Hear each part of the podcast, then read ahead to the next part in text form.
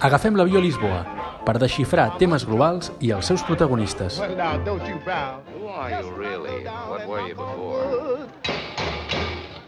Hola, sóc en Víctor Puig per l'avió a Lisboa, l'espai de política global de Casablanca. Aquest és un programa per analitzar les relacions i els conflictes internacionals fet a Catalunya sense sectarismes ideològics i des d'una visió centrista, oberta i lliure. Benvinguts. Aquest proper dimarts, 17 de setembre, Israel celebra una repetició electoral. El poder de Netanyahu està en joc. Les eleccions es repeteixen després de l'empat a 35 escons entre l'actual primer ministre i la coalició centrista liderada per l'excap de l'estat major de l'exèrcit, Benny Gantz. No es pot entendre Israel sense la relació amb el seu principal aliat, els Estats Units. I durant l'administració Obama, les diferències en la resposta a l'amenaça que suposa la dictadura islamista d'Iran va provocar un clar distanciament entre els dos presidents. we've learned an enormous amount about Iran's secret nuclear program. Now, the deal that everybody's talking about was premised on the fact that Iran had no such material. Obama va optar per la via diplomàtica i l'acord nuclear amb Iran. Netanyahu, que sempre ha manifestat el seu rebuig rotund a l'acord, ara aprofita la seva aliança amb Donald Trump. El va convèncer primer de reconèixer Jerusalem com a capital i després d'enretirar-se unilateralment de l'acord amb Iran. No action taken by the regime has been more dangerous than its pursuit of nuclear weapons and the means of delivering them.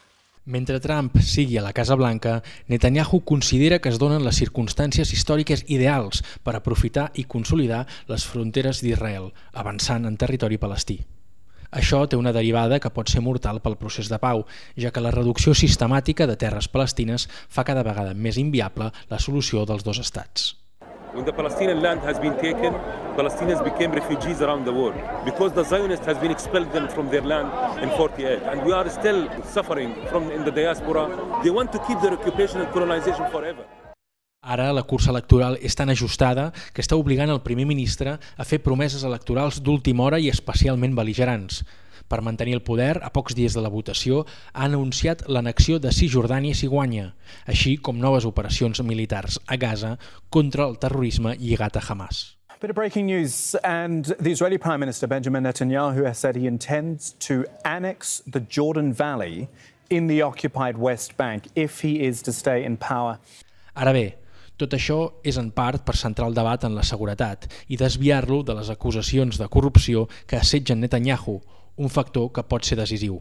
La dècada del poder de Netanyahu, durant la qual Israel ha vist un creixement econòmic importantíssim gràcies a les reformes liberals introduïdes, es pot estar a punt d'acabar, a mesura que la política interior ha anat derivant cap a més autoritarisme i l'exterior s'ha tornat més agressiva. Avui farem un programa amb dues parts. A la primera connectarem amb el president de l'Associació Catalana d'Amics d'Israel, Antoni Florido, que està seguint la campanya electoral sobre el terreny entre Tel Aviv i Jerusalem, i amb ell veurem eh, què diuen les enquestes i els últims moviments de la campanya.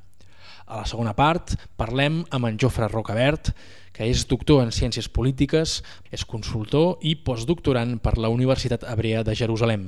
Amb ell analitzarem la diversitat de la societat israeliana i parlarem de com es situa Netanyahu entre el creixent autoritarisme populista. Toni, què tal, com estàs? Estàs a Jerusalem o estàs a Tel Aviv ara, en aquests moments? Hola, què tal, Víctor? Doncs ara mateix a Jerusalem. Doncs escolta'm, gràcies per, per ser a l'avió a Lisboa. Què tal l'ambient electoral? Com ho estàs vivint? doncs m'esperava una mica més d'ambient, eh, t'he de dir. Uh, realment, uh, si estàs una mica despistat, uh, pots mm, estar aquí uns dies i marxar i no saber que hi haurà eleccions uh, la setmana vinent. Això, això, hi havia un diari, se n'en fotia d'això, no? que es veia tots els candidats amb unes hamaques, oi? Pren el sol i algú deia, bueno, ja m'avisareu quan comenci això, no? I quedaven dues setmanes per les eleccions i semblava que aquí tothom estava de vacances encara. Doncs sembla que encara ho estan, eh? Vull dir, falta una setmana, no menys. Menys d'una i... setmana, és dimarts que ve. Sí, sí, és dimarts que ve i per posar-te un exemple, eh? o sigui, el que són eh, cartells electorals, la, les típiques banderoles que nosaltres veiem a casa nostra quan, quan hi ha eleccions, aquí no n'hi ha. Aquí pots veure potser anuncis en els autobusos, allà a fora, en el, que això també ho tenim nosaltres, no? però mm. aquí, sí que, aquí sí que hi poden haver, i potser en, un, en algun cartell d'aquests d'anuncis, que en comptes d'haver-hi un anunci d'un producte eh, comercial convencional, doncs eh, s'estan anunciant polítics. Mm -hmm. I, I poca cosa més. Realment, l'anunci més impactant el, el vaig veure a Tel Aviv, en la seu del de, Centre d'Interpretació Jabotinsky, i que, per tant, és lògic que, que hi hagi uns anuncis del Likud, sí. eh, que eren un, unes pancartes enormes que cobrien la façana d'un gratacels. En una es veia el Netanyahu amb el Trump i en l'altre el Netanyahu amb el Putin. O sigui que realment, eh, com exhibint aquesta idea de que ell, tot i ser el primer ministre d'un país petit, petit com Catalunya, doncs es, es fa amb el poder en el món. No? És, un, mhm. -huh. és una projecció de força, no? en, en aquest sentit, això ho fa bé, pel que és el, el, el que vol transmetre, però és que realment no, no, he, no he vist més impactes electorals i mm. una mica a la, a la televisió, però perquè i va, va haver de fugir o va haver de sortir d'un míting, va, mm -hmm. va haver de sortir perquè li van dir els de seguretat. Realment ell estava molt tranquil mm -hmm. perquè havien, havien disparat una sèrie de coets des de Gaza fins a Ashdod. Això ha sigut potser la, la, el que s'ha comentat més a nivell de política, més que propostes i coses, el fet de que el primer ministre, que passa per, per sempre prometre seguretat, doncs haver de marxar d'un propi acte electoral, Uh -huh. I, I de poca cosa més. Potser l'anunci, no sé si s'ha... Suposo que sí, que s'ha comentat aquí a Europa i a, i a, i a Catalunya sobre la, la promesa electoral de que sí. volen, eh, es volen accionar la, la Vall del Jordà. Eh? Uh -huh. um, però bé, tampoc n'ha fet massa cas ningú aquí. Jo crec que ha sigut més una cosa que ha tingut més rebombori segur en l'exterior. Aquí, de fet, eh, és cert que ja sigui per, per l'haver de, de marxar del míting i ara amb aquesta proposta tot gira a l'entorn seu. Ell ha aconseguit una mica el que, el que volia, que era que no es parli dels escàndols de corrupció que l'estan assetjant i que això, evidentment, li va bé al seu, al seu contrincant, que, no, que, que sent el seu alel clatell, el, el Gantz, no, que, que van empatar. Eh, D'aquesta manera, això li va, li va a favor, tant els atacs pels, pels míssils com, com aquest anunci, perquè es torni a parlar de seguretat, que és el que li, li interessa amb ell, no? i de política exterior, que això és el que deies tu d'aquestes pancartes grans, és curiós perquè normalment la política exterior s'acostuma a dir que no dona vots. És, és important perquè eh, eh, Israel està incardinat en un entorn molt volàtil. Tenim la guerra de Síria, tenim tot de països que eh, són força inestables i, per tant, la política eh, exterior sempre, sempre està molt present. A més, tens un país que és una, que és una potència emergent, molt present també en l'àrea, en diferents formats, que és l'Iran, que, mm. que cada dia promet destruir l'estat d'Israel. Aleshores, això és un tema que, que vulguin o no, els israelians han, han, han d'estar-hi present, han d'estar-hi han d'estar-hi, han de tenir-ho molt present i, i, i per això aquests cartells tenen molt d'impacte. Toni, si et sembla, tornem una mica a, a, a l'inici per, perquè la gent entengui per què hi ha aquestes eleccions, perquè són unes eleccions avançades i, a més a més, són repetides. Eh, per, què, per què es van avançar en un primer moment i després per què s'han hagut de repetir des de l'abril? Sí, um, és una novetat històrica, mai uh, mai s'havien repetit eleccions, és a dir, sí que uh, és normal l'avançament electoral perquè hem de tenir en compte que aquí no guanya mai ningú per majoria absoluta, no ho ha fet mai ningú, ni tan sols en els, en els principis de l'Estat, on hi havia grans majories pilotades pel Partit Laborista i després per Likud, però sempre havien de fer una coalició, perquè mai ningú havia aconseguit tenir eh, la majoria absoluta. És un, és un sistema electoral molt proporcional, qualsevol partit que es presenti i, i supera la, eh, la quantitat de vots que necessita, el percentatge, doncs ja, ja té representació i això fa que hi hagi una certa atomització del, del Parlament. Aleshores, l'avançament electoral es podria considerar que, que bé, que no és tan estrany. En aquest cas, el fet de que hi havia una investigació judicial per tema de corrupció i, un, i, uh, i unes friccions en la coalició interna, mm. eh, sobretot amb el, amb el Lieberman, eh, va fer que hi hagués un avançament electoral. Aturem-nos un moment en això, Toni, perquè um, Lieberman surt de la coalició governamental perquè no està d'acord amb un acord del govern d'Israel, segons el qual es donen un seguit de, de milions de dòlars, no sé si és a Gaza, és a Hamas, exactament, aqu aquests diners que, que, que és el motiu d'aquest trencament, què eren?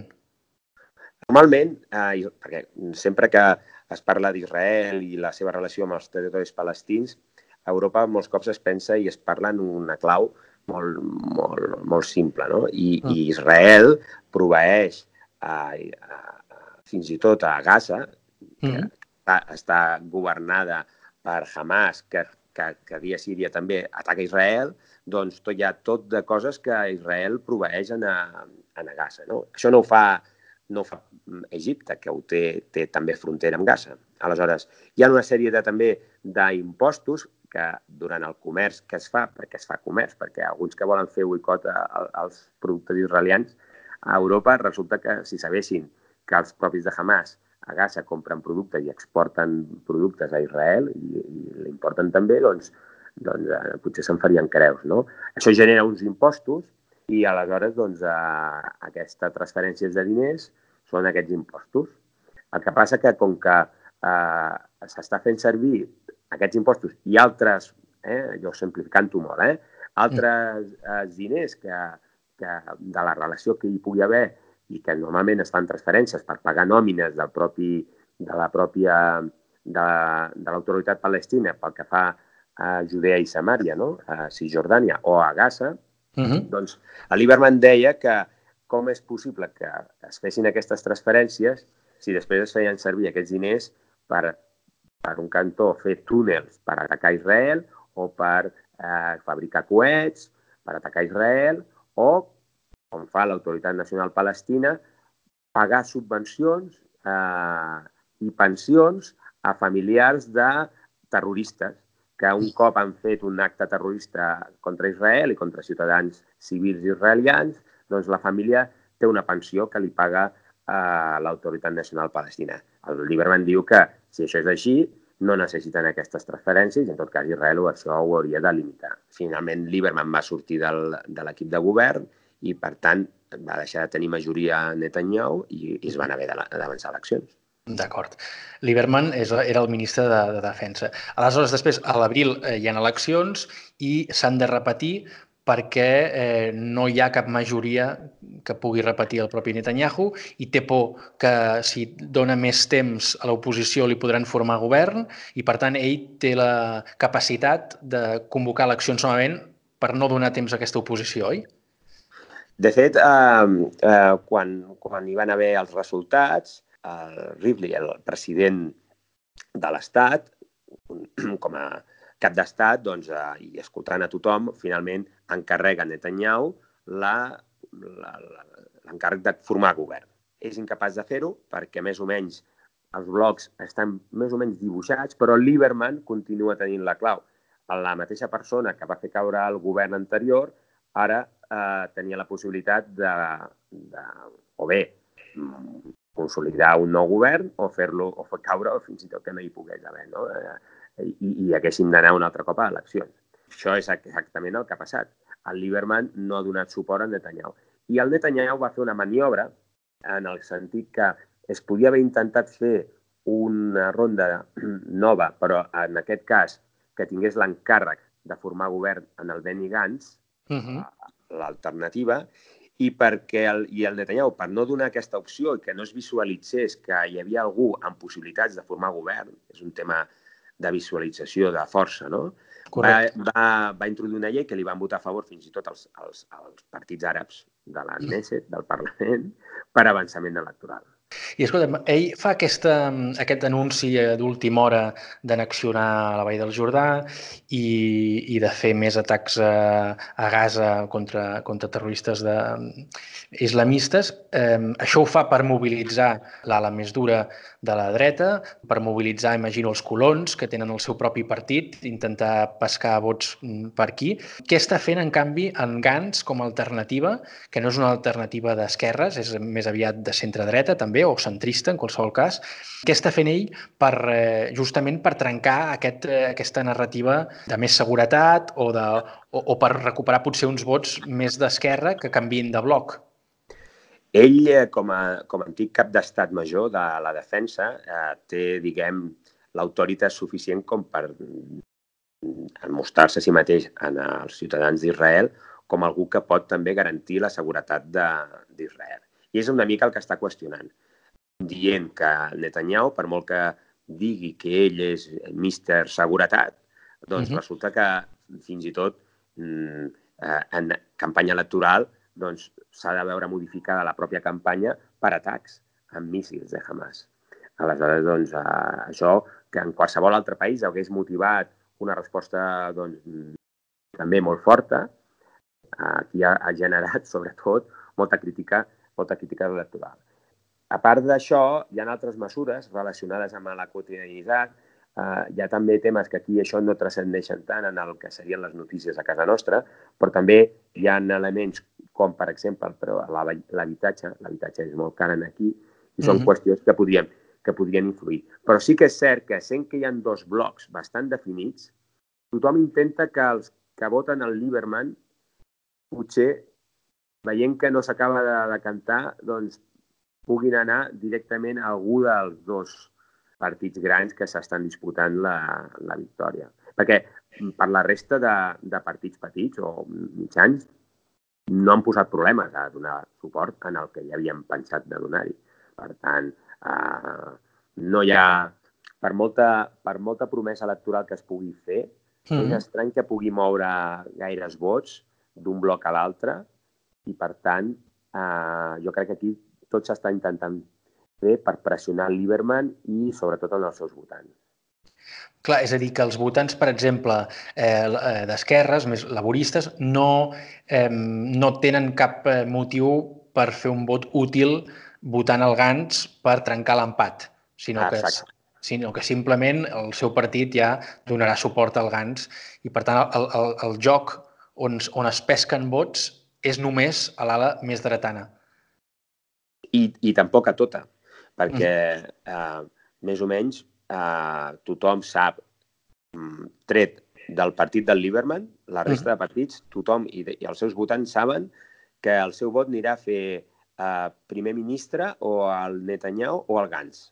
Aquí no, no hi ha grans dubtes. I què diuen les enquestes? No, no, no hi ha grans canvis, eh?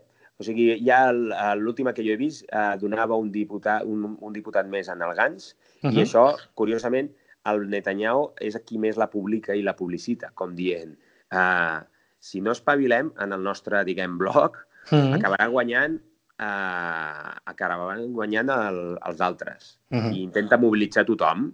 I aquí apel·la també en el, en el votant del, del, de, del Lieberman, que probablement majoritàriament tingui més ganes de votar eh, el Netanyahu que no pas el Gantz, tot i que no està tan clar. Eh? Uh -huh. El Lieberman és una persona d'origen de l'antiga eh, Unió Soviètica i és sempre s'ha dit que el seu partit és el partit dels russos. És, és veritat que al venir d'allà i d'un autoritarisme tan fort que recorden els avis d'allà la Unió Soviètica, sempre uh -huh. han votat a opcions més de centre o, o dreta directament. No? L'esquerra no, no els, hi ha, els hi recordava massa temps eh, passats que no volien recordar. Això no vol dir que en el context actual eh, dreta i esquerra, que realment mm, sí que tenen aspectes ideològics importants, però aquí també hi ha altres factors que s'han de tenir en compte, no? que és la, com, és, com veuen ells la relació amb, a, amb els territoris palestins i si són coloms o són falcons, respecte a aquest tema. O sigui, hi ha, hi ha diverses coses. Si són religiosos o són laics, aquest partit del Lieberman són laics, uh. -huh. i, i ara mateix els partits religiosos donen també suport en el, en el eh, Netanyahu, perquè el, un, un, un membre de la coalició del Gans, el, el Lapid, sobretot va fer una campanya fa, en les anteriors eh, exigint una sèrie d'obligacions en, en els religiosos i això ells, diguem que eh, els religiosos serà molt difícil que donin suport en el GANS sent que les polítiques que impulsen no, no són les que els interessen. I, en canvi, doncs, el Lieberman es podria sentir el seu votant molt, molt tranquil votant o fent, impulsant lleis de les que tenen previst fer a dins del bloc del GANS. O sigui, aquí una barreja molt important d'elements que, en fi, que el vot no queda molt clar. El que el Lieberman estigui dubtant, o dubtant, o que estigui fent-se valer, uh -huh. és perquè els seus votants també ja els hi està bé. D'acord. I... I, escolta'm, per, per anar acabant també, eh, tot el tema aquest de, de, de, dels, eh, dels colons, eh, en aquí hi ha diferències entre el que proposa la coalició centrista de, del GANS respecte del suport que està donant eh, el Likud, eh, perquè si veus la progressiva reducció dels territoris via annexió o via eh, desplegament de més colons de tot de territoris que haurien de ser de l'hipotètic futur estat eh, palestí i, i, i d'aquesta solució dels dos estats, com més temps passa, de facto sobre el terreny, tant a, a, a Jerusalem Est com, com també a, a, al West Bank, no? allà eh, sembla com que l'opció dels dos estats cada vegada té menys viabilitat perquè cada vegada queda menys eh, territori pròpiament palestí. Eh, d'això se'n se parla, del procés de pau, si és que, si és que existeix encara, se'n parla, hi ha opcions diferents, hi ha opcions que potser siguin més crítiques amb aquest tipus de, de, de polítiques? No se'n parla, ja no se'n van parlar, ja no se'n va parlar a les darreres eleccions, va ser una novetat també històrica i ara tampoc se'n parla. Hi ha una certa resignació de que no, eh, ara mateix, a dia d'avui, no hi ha possibilitats de pactar amb, amb els líders palestins i, per tant, uh -huh. doncs, a, a això no es, veu, no es veu com una cosa que ara mateix Israel pugui fer-hi res. So, sobre el que has dit, sí que m'agradaria dir-te sí. dues coses. Una és que, que el que serien els partits que representen els colons, com tu dius, -huh. ells són, estan dins del, majoritàriament, del bloc del Netanyahu, no, -huh. no, no aniran a votar al GANS. Uh -huh però també té de comentar que al final estem parlant de, de civils i, i ciutadans. És a dir, el territori, eh, els, els Judea i Samària, o els territoris palestins, en aquest cas els de Cisjordània, perquè a Gaza uh -huh. eh, està al 100% controlat pels propis palestins, no, uh -huh. queda, no hi ha cap jueu en allà, ni cap uh -huh. israelià, però el que seria Cisjordània no s'ha mogut mm, res del que s'havia eh, dissenyat a Oslo, i és eh, fer tres àrees on el 90% de la població palestina està sota administració palestina. Després, això vol dir que eh, la vida dels palestins depèn del que decideixen els polítics palestins, majoritàriament, però sí que és veritat que hi ha tres àrees de control del que seria eh, eh, militar. No? Hi ha control civil i control militar. Control civil i militar palestí, hi ha una, unes àrees, la A, unes àrees que el control civil és palestí i el militar és israelià, que seria la B, i unes àrees que són de control civil i palestí d'Israel. Aquí gairebé no hi ha població palestina, eh? seria mm, les fronteres amb Jordània, etc. O sigui, no. I els colons, que es diuen, eh, els que ja són creixements naturals, és a dir, no, no és que hi hagin, vagin creant barris nous, sinó que els barris que ja hi són majoritàriament enganxats a Jerusalem, perquè a vegades pensem que és que estan per tot arreu, no. Sobretot el més gran i més important de la, de la presència jueva a Judea i Samària és, és al costat de Jerusalem. Però uh -huh. també volia fer una cosa. Vull dir, mai això ha estat un problema de cara a les negociacions de, de pau, perquè eh, hem de pensar que si no és un problema que hi hagi un 20% d'àrabs a, a dins d'Israel, per què hauria d'haver problemes de que hi hagués un, un percentatge de, encara més petit de jueus en un futur estat palestí?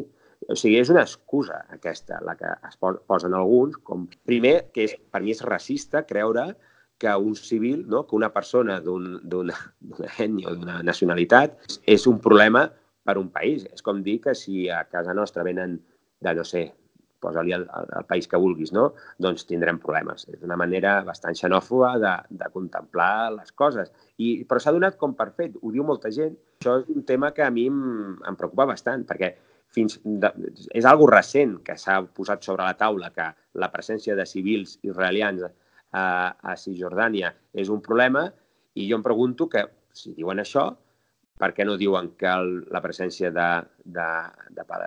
d'àrabs a Israel és un problema? I no ho és, perquè tenen, són ciutadans israelians amb tots els drets. i, tota les, eh, i tota una vida absolutament normal. Però, però tenen tots els drets els palestins a, a Israel? A Israel, tota la, a Israel, el ciutadà israelià, ja sigui de la religió que sigui, té els mateixos drets. No hi ha cap dret, no hi ha cap diferència en aquest sentit. Mm -hmm. és, això és un equívoc per molta gent, que no. Però fins i tot hi ha, hi ha de fet, el, el, el, un, un jutge del Tribunal Superior que va condemnar a un antic primer ministre, l'Olmer, l'Olmer, per, per uh -huh. corrupció, era àrab i tot, tots tenen els mateixos drets. No hi ha, no hi ha cap, cap dret diferent segons, mm, segons, uh, segons la, la confessió religiosa. Uh -huh. Al contrari, aquí no es pregunta. Tu tens el passaport d'Israel i ja està. Uh -huh. D'acord, doncs, escolta'm, per, per acabar, eh, t'atreveixes a fer un pronòstic? Eh, a, a partir de la setmana que ve comença l'era post-Netanyahu o no? M'ho poses molt difícil, eh? perquè jo aquest dia jo, jo esperava, eh? esperava mm, que l'olfacte em digués alguna cosa. Ho veig molt estable tot. Jo crec que eh, tenim Netanyahu per temps. Molt bé.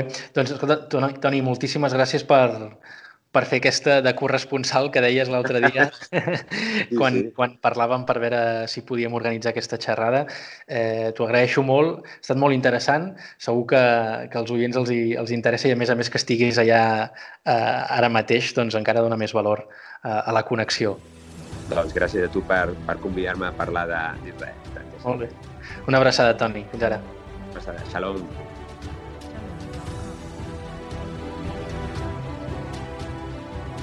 Gràcies, Jofre, per, per ser en aquest eh, podcast, aquest avió a Lisboa, per parlar de les eleccions a Israel que se celebren el proper dimarts. Eh, a la primera part del programa hem parlat amb Antoni Florido, el president de la CAI, per, eh, per mirar d'analitzar una mica els últims moviments de la campanya i amb tu volíem eh, fer una anàlisi potser més a fons de, de la societat israeliana perquè és molt complexa i per tant desconeguda. Eh, aleshores, eh, dona'ns la teva opinió una mica o explica'ns aquesta diversitat i com ha anat evolucionant les fronteres eh, tradicionals dels votants. És difícil entendre la societat israeliana si no si no s'entenen els diferents grups que la composen i amb els diferents grups els diferents grups estan estructurats eh, a través de, bàsicament, de les línies de diferents eh, onades d'immigració jueva que han arribat, que van arribar a Israel. Aquestes diferents onades tradicionalment han conformat mm, diferents grups de votants, però la transformació més important de la societat israeliana en els últims eh, en els últims anys, almenys en els últims 20 anys, és que això es, es va difuminant i, per tant, es, les, les, les estructures clàssiques entre, per exemple, els votants eh, de la primera onada d'immigració sionista, eh, votant partits diferents que els votants eh, de la onada d'immigració de la Unió Soviètica a principis dels 90, això va, es va difuminant, es va difuminant, entre altres coses, perquè, perquè la societat israeliana fa molt bé el, el, la, la, la producció de ciutadans, té, té, una, té una estructura social que, que permet integrar molt bé a gent procedent de, de, de, de llocs molt diferents i, per tant, això es va, es va difuminant. Això d'una banda. De l'altra banda, al mateix temps, també hi ha una bipolarització on, d'una banda, hi ha eh, els votants preocupats per, eh, per la seguretat i que veuen, diguéssim, un, eh, el nacionalisme que els hi proposa Netanyahu com una solució eh, per la seva supervivència com a nació i una, i una bossa de votants liberals que potser tradicionalment havien votat a l'esquerra, que havien sigut més, més proclius a, a, a acords de pau, etc i que ara doncs, es troben amb, com que l'esquerra té connotacions força negatives a la societat israeliana en general, ara es troben una mica orfes de partit. Llavors, quan, quan intentes veure per què ha sortit ara el, aquest partit de, d'Alcans, aquest partit alternatiu al Likud, doncs agrupa tot, aquesta, tot aquest sector més o menys divers uh -huh. que, que, conforma, que conforma aquest grup, eh, aquest grup liberal que, que no, sab, no sabia qui votar i ara està, està votant en el, a l'abril va votar el blau i blanc i ara segurament el tornarà a votar. Per això l'elecció està tan, tan polaritzada entre aquests dos partits i després una colla de partits uh, molt més petits. Jofre, explica'ns per què, per què hi ha aquesta connotació eh, tan negativa de l'esquerra segons, segons tu? Bé, hi ha, aquí hi ha dos, aquí hi ha dos, uh, dos factors. No? D'una banda, hi ha l'esquerra tradicional, el laborisme, fa molts anys que ja va, des de principis dels, dels 80 que va deixar de ser el partit dominant uh, del sionisme, com havia sigut durant els 70. I això va ser bàsicament per la, per la, per la performance econòmica d'Israel que, que, que fins que no va arribar el nou conservadorisme i, i l'etapa des de fa 10 anys del Netanyahu que no va, que no va ressorgir com a, com a economia. Uh -huh. I això és un factor. I l'altre factor important és que s'ha anat associant posicions ells en diuen d'esquerres, eh, aquí s'ha d'entendre d'esquerres com a, diguéssim, una, una visió eh, molt més de conflicte que no, que no socioeconòmica. Eh? És a dir, sí. no, no, no, podem, no podem confondre, quan parlem d'esquerra a Israel, el que estem parlant és de la relació amb els palestins, bàsicament. A nivell de, no sé, de polítiques morals, a nivell de, no sé, legalització de les drogues, eh, polítiques de, de, diguéssim, liberalisme personal, totes aquestes coses, uh -huh. no entren en aquesta, en aquesta distinció. Eh? Quan, quan es parla d'esquerra, bàsicament es, es, es vol dir quina relació es vol tenir amb els, amb els palestins i quina, i quina relació es té amb, o quina opinió es té de l'ocupació del, uh, o de la, de la política dels assentaments, etc. I, i, aquesta, I els partits que tradicionalment han defensat el, el, el, el final dels assentaments i tot plegat, ara han quedat electoralment molt reduïts i socialment bastant marginats. Una de les coses que, que s'acostumen a comentar en relació a la política de, de colonització de, de la Vall del Jordà és que a mesura que van creixent doncs, aquests barris, eh, ja sigui per al mm. propi creixement natural com per, eh, per noves adquisicions, per, per bé que siguin legals, eh, doncs és que la solució dels dos estats cada vegada eh, té menys viabilitat eh, perquè finalment hi haurà tan poc territori palestí que, que els propis palestins no, no volen eh, aquest estat. Es va cap a, cap a una visió d'un únic estat i que, per tant, tampoc no, no serà l'estat jueu. Com, sí, com... Això, això, això no... Això no eh, aquesta és la gran pregunta que no té resolta ningú. Eh? És a dir, és, és, veritat que, és veritat que per molt que... O sigui, encara que hi hagi molts polítics conservadors, fins i tot el Netanyahu deia ara ja no tant, però ho havia dit molts anys, que la solució eren, eren els dos estats. Clar, el problema, el problema dels assentaments és que, com que els connecten carreteres que estan sota control israelià, etc., doncs al final el territori, diguéssim, eh, continu mm, que, que, que tenen els palestins es va fent més difícil de, més difícil de, de crear-hi un, un estat. Un arxipèlag, no? Sí, sí, és un arxipèlag. I, de fet, amb els, els palestins també t'ho diuen, que, que, que per tenir-lo així ja ni el volen, no? O sigui, almenys, almenys quan, uh, quan parles amb, amb, amb palestins que, que tradicionalment havien vist uh, aquesta solució com o sigui, palestins potser de sectors moderats que, que, que veien possible una, una convivència amb dos estats, aquesta solució està sortint fins i tot de la, de la seva taula, no? perquè perquè se'ls fa molt difícil de controlar. Clar, quan el, el, el tema de la solució dels dos estats és que els israelians tenen una preocupació...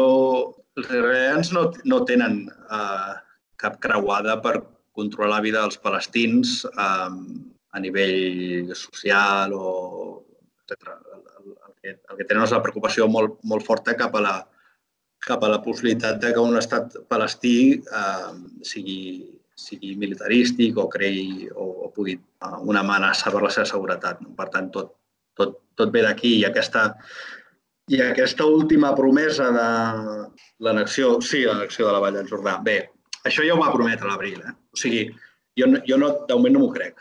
És veritat que ara, bueno, ara ha tornat a circular pels mitjans internacionals que, que això ara anava de veritat, etc. Jo crec que és una promesa electoral i, i quan passin les eleccions veurem, veurem si té intenció. Però bueno. Jofre, justament això ens permet obrir un altre debat més ample, que és sobre com ha anat evolucionant aquest govern de Netanyahu, que, que, que va començant a introduir doncs, un seguit de reformes econòmiques liberals, que, com deies, doncs, han tingut un, un èxit eh, per, pel país i que, i que avui en dia doncs, Israel és un, és un exemple doncs, d'innovació, d'empreses de, de, de eh, doncs, startups, eh, mm -hmm Eh, també el sector militar, lògicament, els ha donat doncs, molta potència a nivell tecnològic, però, però aquest èxit ha anat derivant a poc a poc amb un altre tipus de Netanyahu, amb un altre tipus de govern, cada vegada eh, més eh, autoritari, podríem dir-ho. És a dir, eh, hi han dos exemples d'això. No? Primer, el, el control del Tribunal Suprem, que és justament mm. que després, a través de les seves sentències, està donant per bo doncs, els assentaments. Eh, I d'altra mm. banda, el control dels mitjans de comunicació. M'agradaria que, que, que potser ens donessis la teva opinió sobre això i després com això té una, com ell ha aprofitat després aquest canvi mundial eh, cap a, diguéssim, un enduriment global, tant amb Putin eh, com amb Trump, i com ell s'engloba dintre d'aquest autoritarisme populista, potser que, que va tenint cada vegada més força, oi?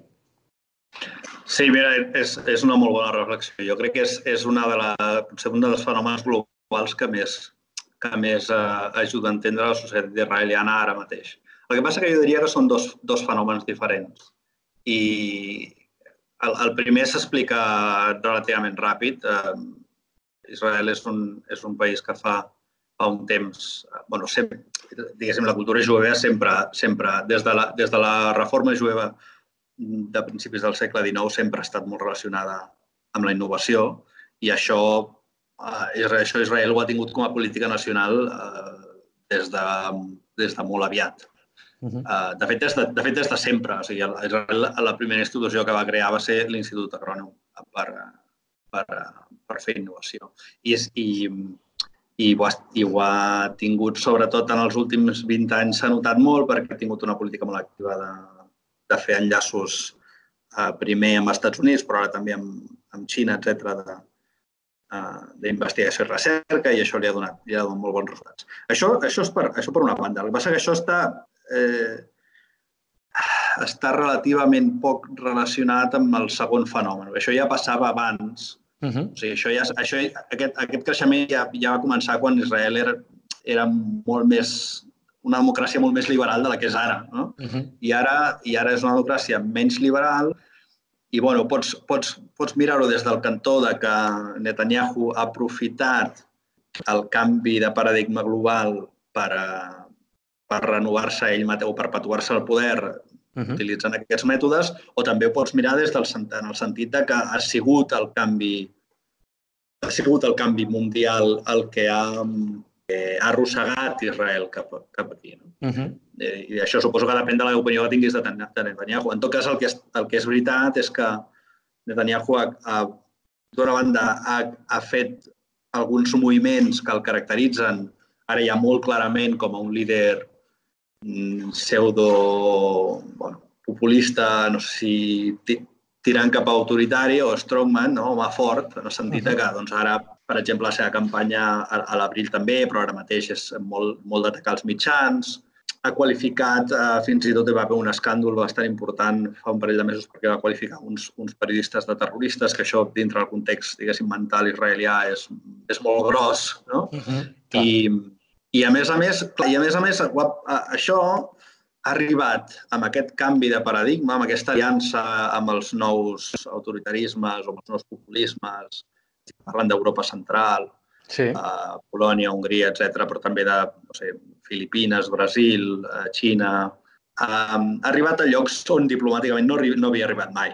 És a dir, um, i no només, i no només l'ambaixada l'ambaixada de Jerusalem dels Estats Units, que això potser és el premi, el premi gros, Um, però hi ha moltes altres coses. Eh? O sigui, Israel ha fet passos diplomàtics uh, increïbles. No? Per exemple, la seva relació amb Egipte, uh -huh. la seva relació amb Aràbia Saudí, aquests dos països tradicionalment, uh, evidentment, molt, molt problemàtics a la seva relació, ara són diguéssim, gairebé aliats, o no, no aliats, però almenys estan estratègicament molt en sintonia. No? Uh -huh. Israel està defensant, està defensant molt el règim egipci.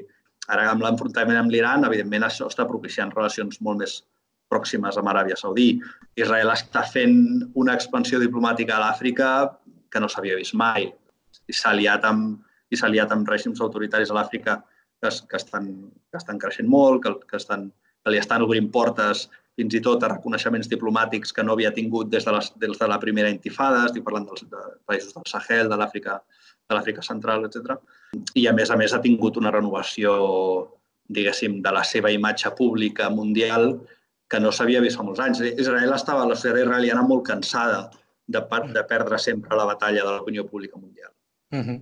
I ara això està canviant, perquè amb, el, amb la, la relació amb, amb el Brasil, eh, que, té una, que té una vessant evangèlica pro-israeliana important, doncs és, és molt millor, la relació amb Amèrica Central pel mateix, pel mateix motiu és molt millor. De fet, l'únic altre país, a part dels Estats Units, que té l'ambaixada a Jerusalem és Guatemala. Uh -huh. Vull dir que l'expansió, diguéssim, la imatge d'Israel ha canviat molt en els últims anys, bàsicament per això. Mm. I, i... Per tant, per tant perdona, el que, el que sí, vull dir és que, és que des de la societat, des dels israelians, és, és molt difícil veure això com, com veure aquest canvi com a estrictament negatiu. Perquè Israel ha, perquè Israel ha canviat molt també cap a positiu des, de les, des del seu punt de vista. No només perquè ha crescut molt econòmicament, sinó perquè, a més a més, té una imatge internacional que feia molt, feia molt temps que no tenia. No? Unes mm. aliances internacionals que, que no s'havien vist mai. Ara, ara fa poc es va, es va saber a través d'alguns periodistes que van fer investigacions bastant a fons als Estats Units de com eh, Netanyahu havia intentat eh, diguéssim, donar el primer pas en un conflicte bèl·lic amb Iran durant l'administració Obama i, i com Obama eh, va optar per la via diplomàtica i va deixar de confiar una mica en el seu eh, aliat eh, històric, que era Israel. Eh, Després eh, Netanyahu va doncs, eh, fer aquella conferència de premsa anunciant doncs, com Iran no estava complint amb els seus compromisos amb, amb de, de decreixement, diguéssim, de, de les seves capacitats eh, operatives eh, nuclears. La sensació que amb un nou mandat de Netanyahu eh, aquesta beligerància creixent, aquesta mentalitat mm, que no pot deixar que Iran doncs, eh, continuï desenvolupant-se, eh, pot provocar està més a prop una, una guerra en aquest moment, eh, forçada inclús per, per, per, per, per propi Israel, o al contrari, estem contínuament en, en, en moviments eh, interns, en polítiques de, no, no sé si de farols, però, però sí de narratives. Jo crec que la una guerra... A veure, això, no, això eh, fa, fa de molt mal dir, perquè sempre que un analista més o menys llegit diu que no hi haurà una guerra, potser, potser, potser esclata la setmana vinent. Per tant, eh, em guardaré prou de, de fer prediccions. Ara, dit això, jo crec que l'escenari ara mateix no, no és, eh, diguéssim, els ànims no estan prou i, la, i la, els, els càlculs de cost-benefici no estan prou com perquè hi hagi una, una guerra, almenys una guerra oberta es conforma amb el fet que els Estats Units hagin sortit de l'acord amb Iran? Això per ell és una Sí, és que, és que, és que hi ha, aquí hi ha, o sigui, hi ha victòries, no només aquesta. Eh? Per exemple, l'aliança entre, entre Israel i, i potències anti-Unió Europea, uh -huh. o, o factors anti-Unió Europea eh, Anglaterra, Europa Central, etc. Això també és una, això també és una reacció. És a dir, la, el paper de la Unió Europea amb, amb la crisi de l'Iran va fer veure a Israel que la, que la unitat europea no li portava res, no? Uh -huh. I no li, portava, no li portava res de bo. I, i, i, aquest, i aquest gir um, no, o sigui, no, només és el, no només ha guanyat, diguéssim, amb, amb que Estats Units sortís de l'acord, sinó que contra amb el que ells consideren que és aquest contraatac a la Unió Europea també debilita, també debilita molt aquesta, aquesta aliança que bàsicament era entre la Unió Europea i, i Iran. I per tant, jo crec que això, mm, això ja ho aguanta. Ara s'haurà de veure, ara d'aquí pocs dies hi haurà la, la sessió, l'Assemblea General de les Nacions Unides, si, si Trump, com que és així, eh, decideix reunir-se amb, amb l'Iran, doncs eh, potser això canviarà, no ho sé però, però bueno, de moment, la, jo crec que de moment té, el, té, té bastant, més, bastant el que volia, almenys prou com per considerar accions més radicals. D'acord. Eh, ja per acabar, Jofre, eh, eh, li preguntàvem al Toni si ell s'atrevia a fer un pronòstic, si continuaria tot igual, es repetirien eh, els resultats i, per tant, tindríem un nou mandat de Netanyahu o si, per contra, eh, Gantz podria formar un govern alternatiu i, per tant, que comencés l'era post-Likud a Israel. Tu t'atreveixes a fer un pronòstic? També creus que Netanyahu n'hi ha per, per anys? Jo crec que sí. Jo crec que sí. Ha, la, el, hi ha, un, hi ha un hi ha un sector de la societat israeliana que, que veu aquest que veu com l'eternització de Netanyahu al, al poder és, és, un, és la fi de la seva democràcia. Uh -huh. I, I tota aquesta gent es concentrarà en el vot a, a Gantz.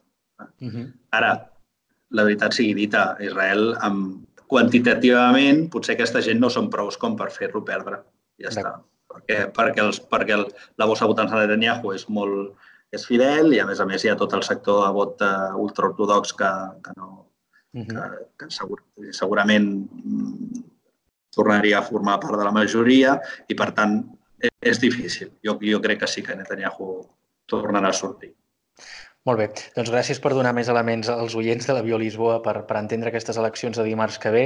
Eh, T'agraïm molt que, que hagis passat per aquí i t'esperem en, una, en una propera ocasió. Gràcies a vosaltres. Vagi bé. Fins ara. trouble. We got trouble. How much trouble? Too much trouble. Well, now, don't you frown. Just knuckle down and knock on wood. Who's unhappy?